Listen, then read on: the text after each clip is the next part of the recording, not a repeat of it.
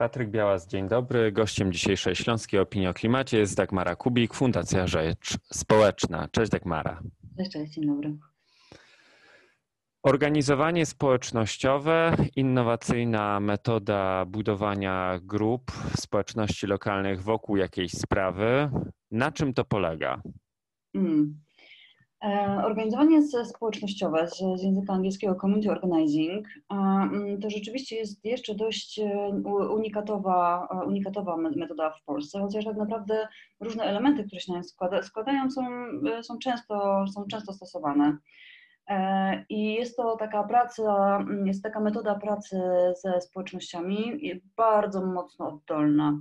To znaczy, ideą jej jest, że pracujemy na tematach, które są ważne e, dla ludzi, które wychodzą od ludzi.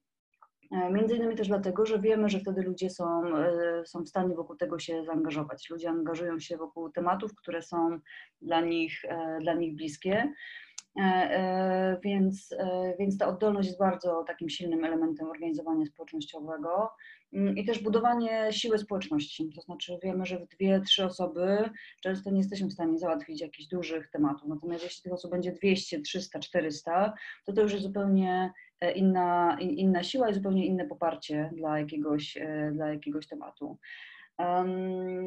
I to, co też jest takie unikalne w organizowaniu społecznościowym, to z jednej strony skupienie się na indywidualnych e, osobach, tak zwanych członkach grup, i taka e, mocna praca z nimi, ale też wsparcie całych, e, całych grup. Mm, I e, pracujemy w, w taki sposób, że my to nazywamy budowaniem organizacji, gdzie tak naprawdę nie budujemy organizacji, która jest formalna, ma, formalną, ma formalne struktury, ale budujemy grupę, która jest silna i jest w stanie przetrwać przez długi czas, przez, przez, przez co najmniej kilka lat. E, I, I to też jest takie ważne i mam wrażenie, że też, e, też unikalne. A czy w organizacjach ekologicznych macie też jakieś doświadczenie? Czy pomagacie organizacjom ekologicznym organizować się właśnie w ten sposób? Mhm.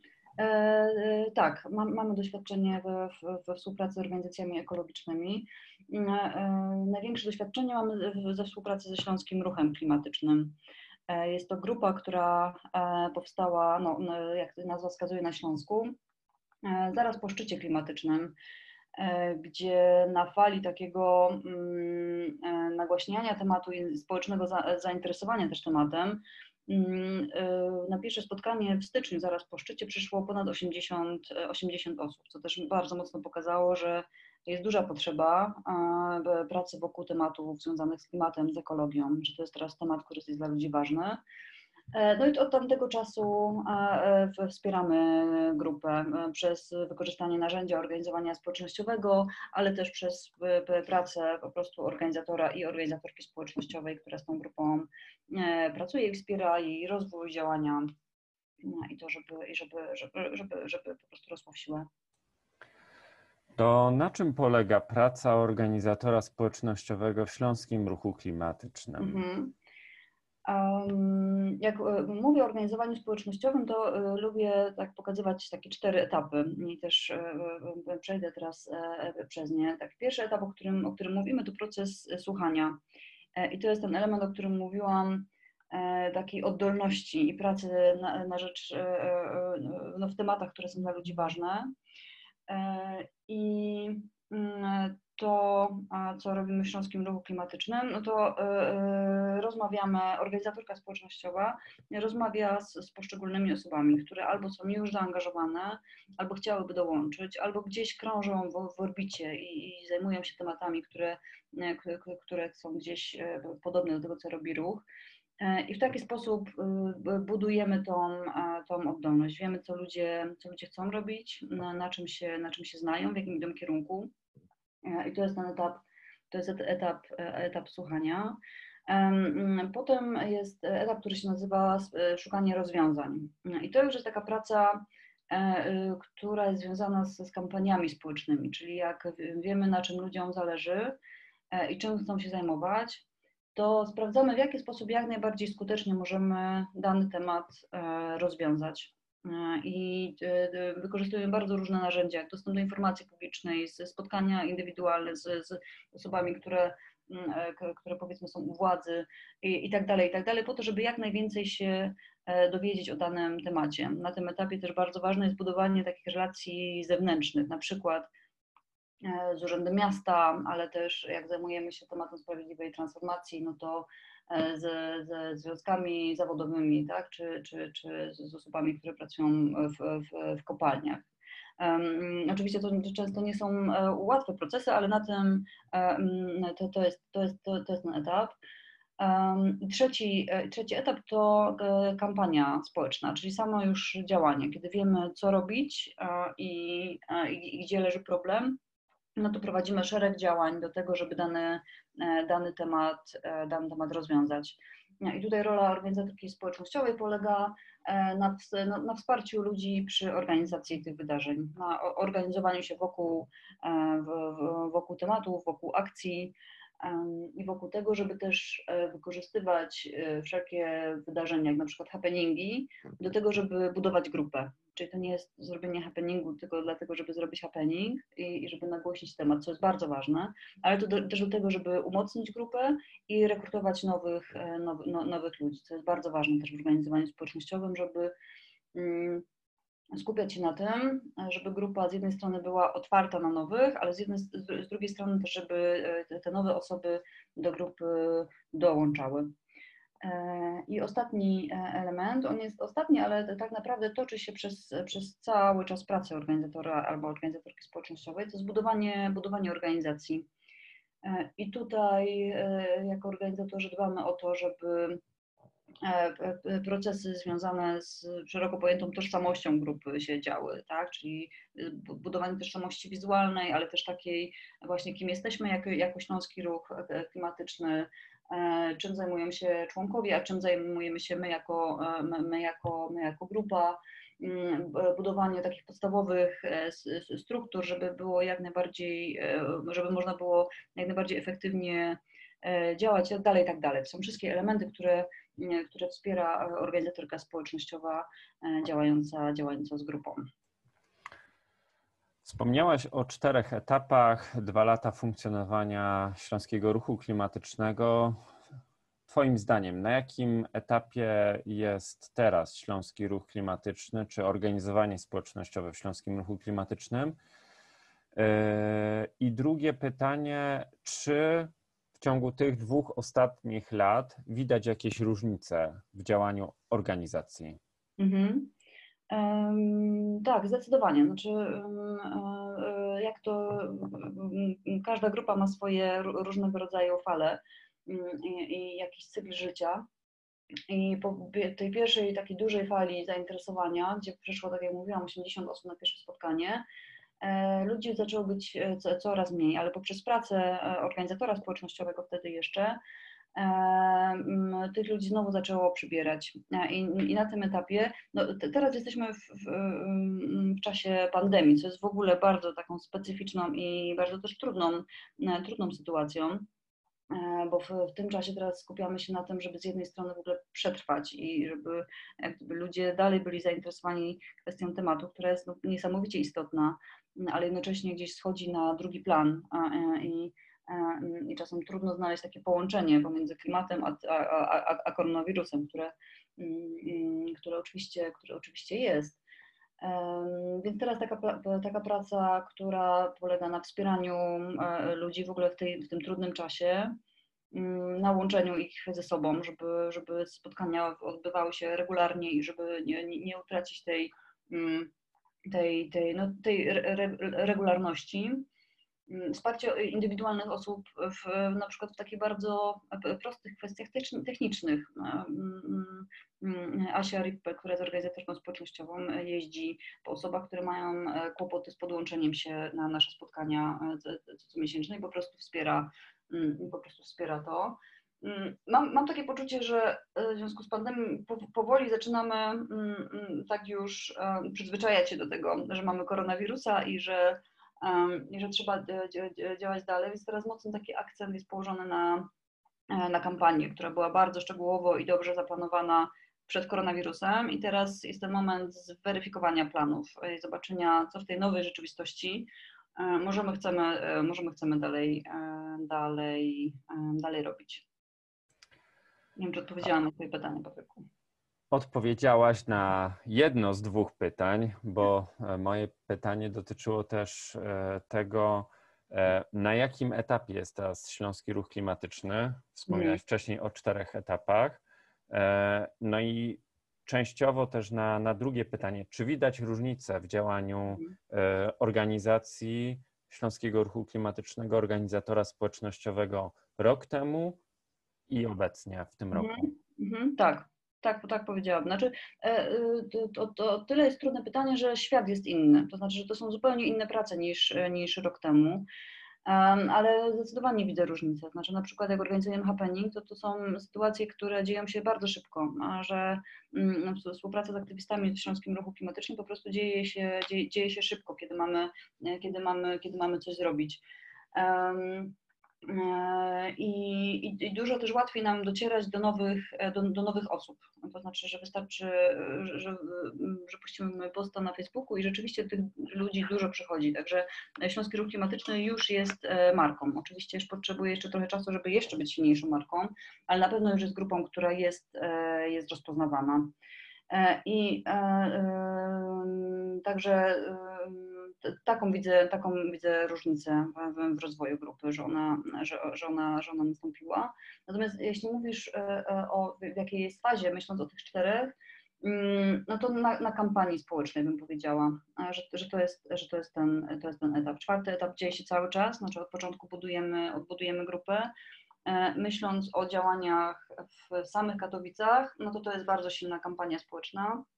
I to, co teraz robimy, to mocno też e, wychodzimy poza Katowice. Znaczy, oczywiście mamy ludzi poza Katowicami e, z, z całego Śląska od samego początku. Natomiast był taki moment, że mocno skupiliśmy się na kampanii katowickiej i ona dalej jest, e, ona, ona dalej jest bardzo ważnym elementem. Kampanii, która dotyczyła mm, bardziej adekwatnej reakcji miasta na zagrożenia związane z kryzysem klimatycznym. E, i ta kampania dalej jest, e, jest istotna, natomiast e, zresztą dzięki, dzięki Bo Miasto, to co się teraz dzieje, to wsparcie grup lokalnych, które nie były do tej pory tak mocno związane ze Śląskim Ruchem, ze Śląskim Ruchem Klimatycznym. Przez jakiś czas dostawaliśmy sygnały, że jest potrzeba takich działań bardzo lokalnych, że Śląski Ruch Klimatyczny jest ważny, żeby mieć taką platformę, mieć coś większego, do czego można się odnieść i w czym można się połączyć, e, ale e, ludzie potrzebują wsparcia w działaniach takich kampanijnych, rzeczniczych mocno, mocno lokalnie. Stąd teraz też takie działania, bo miasto, które mocno wspiera Śląski Ruch Klimatyczny i, i w, w czterech śląskich miastach.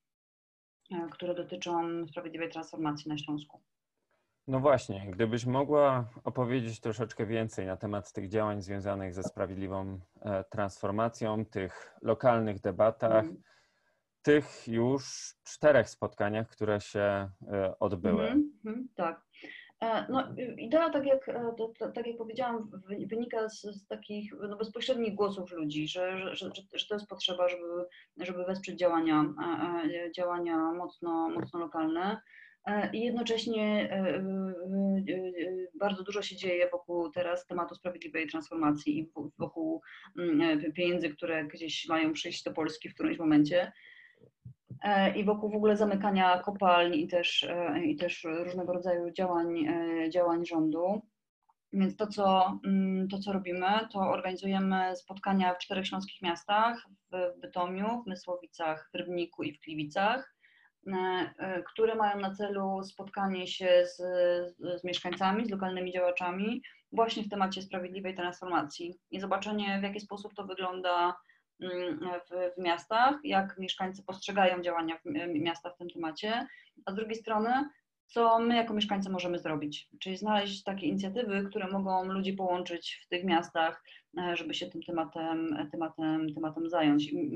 Z mojej perspektywy to jest o tyle też ważny temat, że no, sprawiedliwa transformacja jest czymś takim, czymś takim jakimś abstrakcyjnym zupełnie, tak? No, co, co to jest sprawiedliwa transformacja, co, co to znaczy, tak? W jaki sposób po prostu zmienić, z, z, zmienić przemysł, funkcjonowanie gospodarki, co, co, co to znaczy. Ale tak naprawdę to jest, to jest też taki temat, który bardzo mocno dotyka właśnie lokalności, dotyka mieszkańców i też na tym poziomie lokalnym bardzo dużo można zmienić więc też ten temat taki, taki abstrakcyjny sprowadzamy do bardzo takich realnych działań e, w, w miastach. No jesteśmy po czterech, czterech pierwszych spotkaniach. Będziemy w każdym z tych miejsc kontynuować spotkania z mieszkańcami, bo pojawiły się pierwsze pomysły na działania. Będziemy teraz je, będziemy wspierać e, e, rozwijanie tych pomysłów, bo taka jest nasza rola, żeby, żeby, żeby, żeby wspierać grupy. I wygląda to mocno, mocno obiecująco. To jest pewnego rodzaju pilotaż, mm, bo jeszcze nie robiliśmy, nie robiliśmy takich działań i już widzę, że, że są to ważne działania i które, które przynoszą dużo korzyści.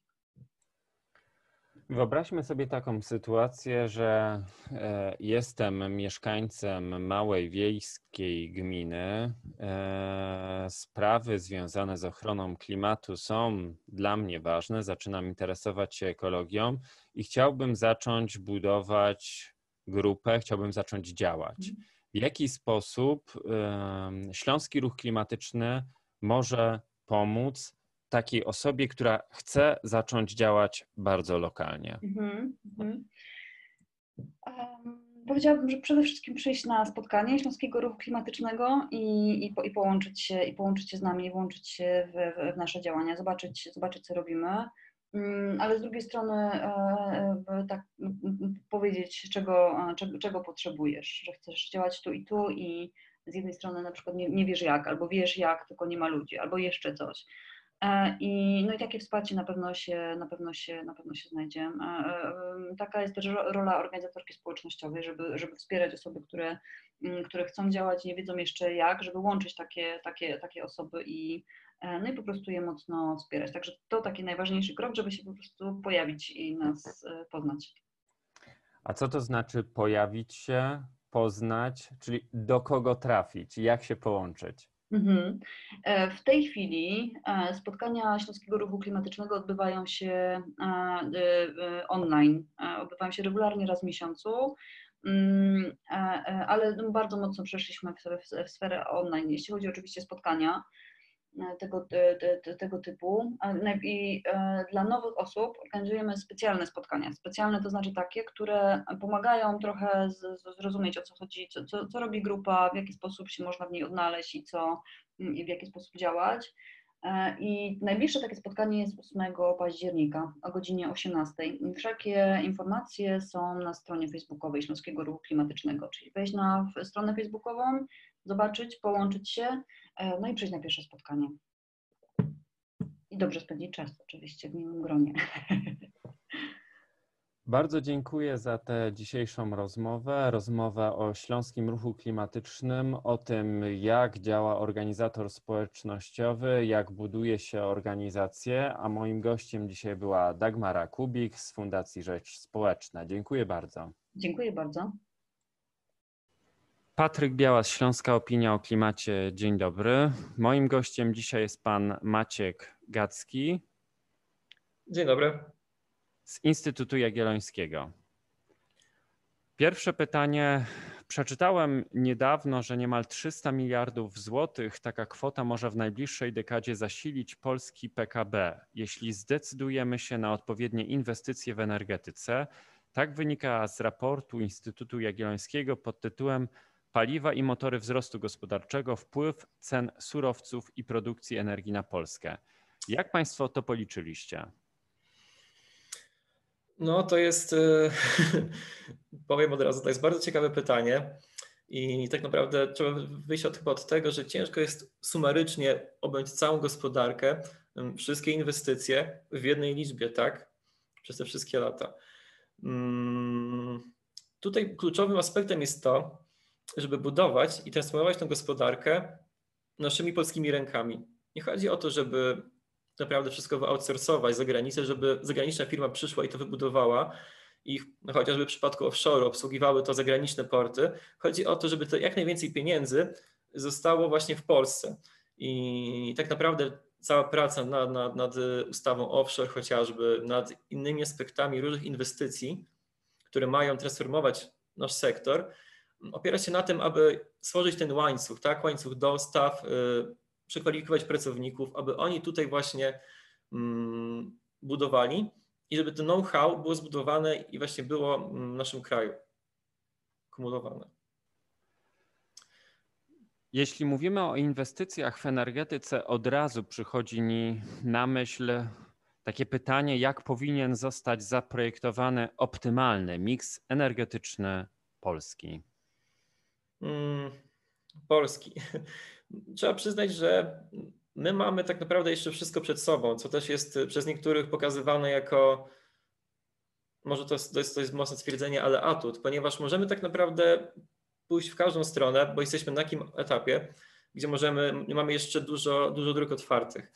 Optymalny miks, w moim przekonaniu chociażby, to jest moja prywatna opinia, dobry miks chociażby ma mm, Szwecja, gdzie mamy 40-50% energii, która, energii, energii jądrowej, produkowanej przez elektrownie jądrowe, no i te drugie 50% to jest właśnie OZE, tak, odnawialne źródła energii.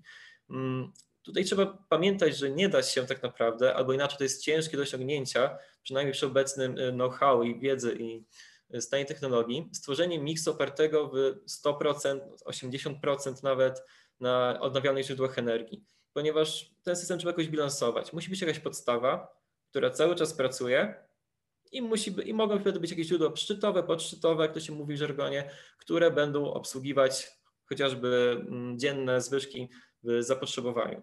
Dlatego taki na przykład szwedzki miks, gdzie mamy ten solidną, solidny pasek w postaci y, energetyki jądrowej i do tego odnawialne źródła energii, w ich przypadku akurat elektrowni wodnych, ale nawet jakby, nawet chociażby weźmy pod uwagę elektrownie wiatrowe, słoneczne, wtedy jesteśmy w stanie bardzo fajnie tym wszystkim yy, pracować. Tak naprawdę elektrownie jądrowe mogą również zostać zastąpione mm, energetyką y, gazową, tak? Gdzieś widzimy, że chociażby w Polsce planowane jest kilka bloków na przestrzeni kilku lat, nie tylko Dolna Odra, ale również Grudziądz przez Energię. Mamy już Płock, Włocławek. Te elektrownie naprawdę już pracują i w tej chwili, kiedy mamy bardzo niskie koszty mm, gazu ziemnego, te koszty paliwowe, ten koszt zmienny mm, jednostek gazowych jest dość niski i dlatego w tej chwili energetyka gazowa jest naprawdę mocno opłacalna. Także to też jest fajna, fajne źródło, który może faktycznie wejść właśnie w tą podstawę, tak? Razem z energetyką chociażby mm, jądrową. Trzeci aspekt mamy chociażby RDF-y, tak? czyli, czyli te e, spalanie odpadów, które dalej mają wysoki, e, wysoką wartość kaloryczną, energetyczną. I to może być szansa dla ciepłownictwa, moim zdaniem. Takiego ciepłownictwa w dużych miastach, gdzie te ciepłownie, stare, stare ciepłownie węglowe trzeba czymś zastępować, Mm, i takie spalanie odpadów, jak chociażby w Rzeszowie i też planowana teraz inwestycja w Olsztynie, może być fajną rzeczą, fajną sprawą do tego, aby to wszystko szło w zieloną stronę.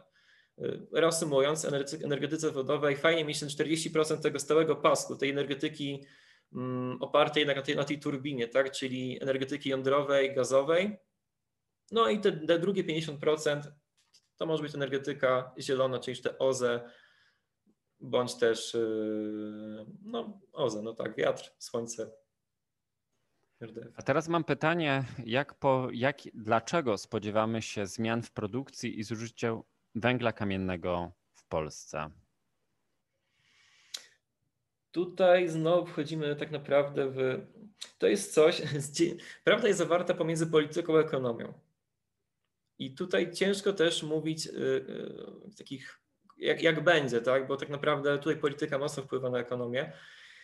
Mm, do czego będziemy? No generalnie trzeba pamiętać o tym, że koszt wydobycia węgla jest silnie skorelowany z głębokością, z głębokością kopalni.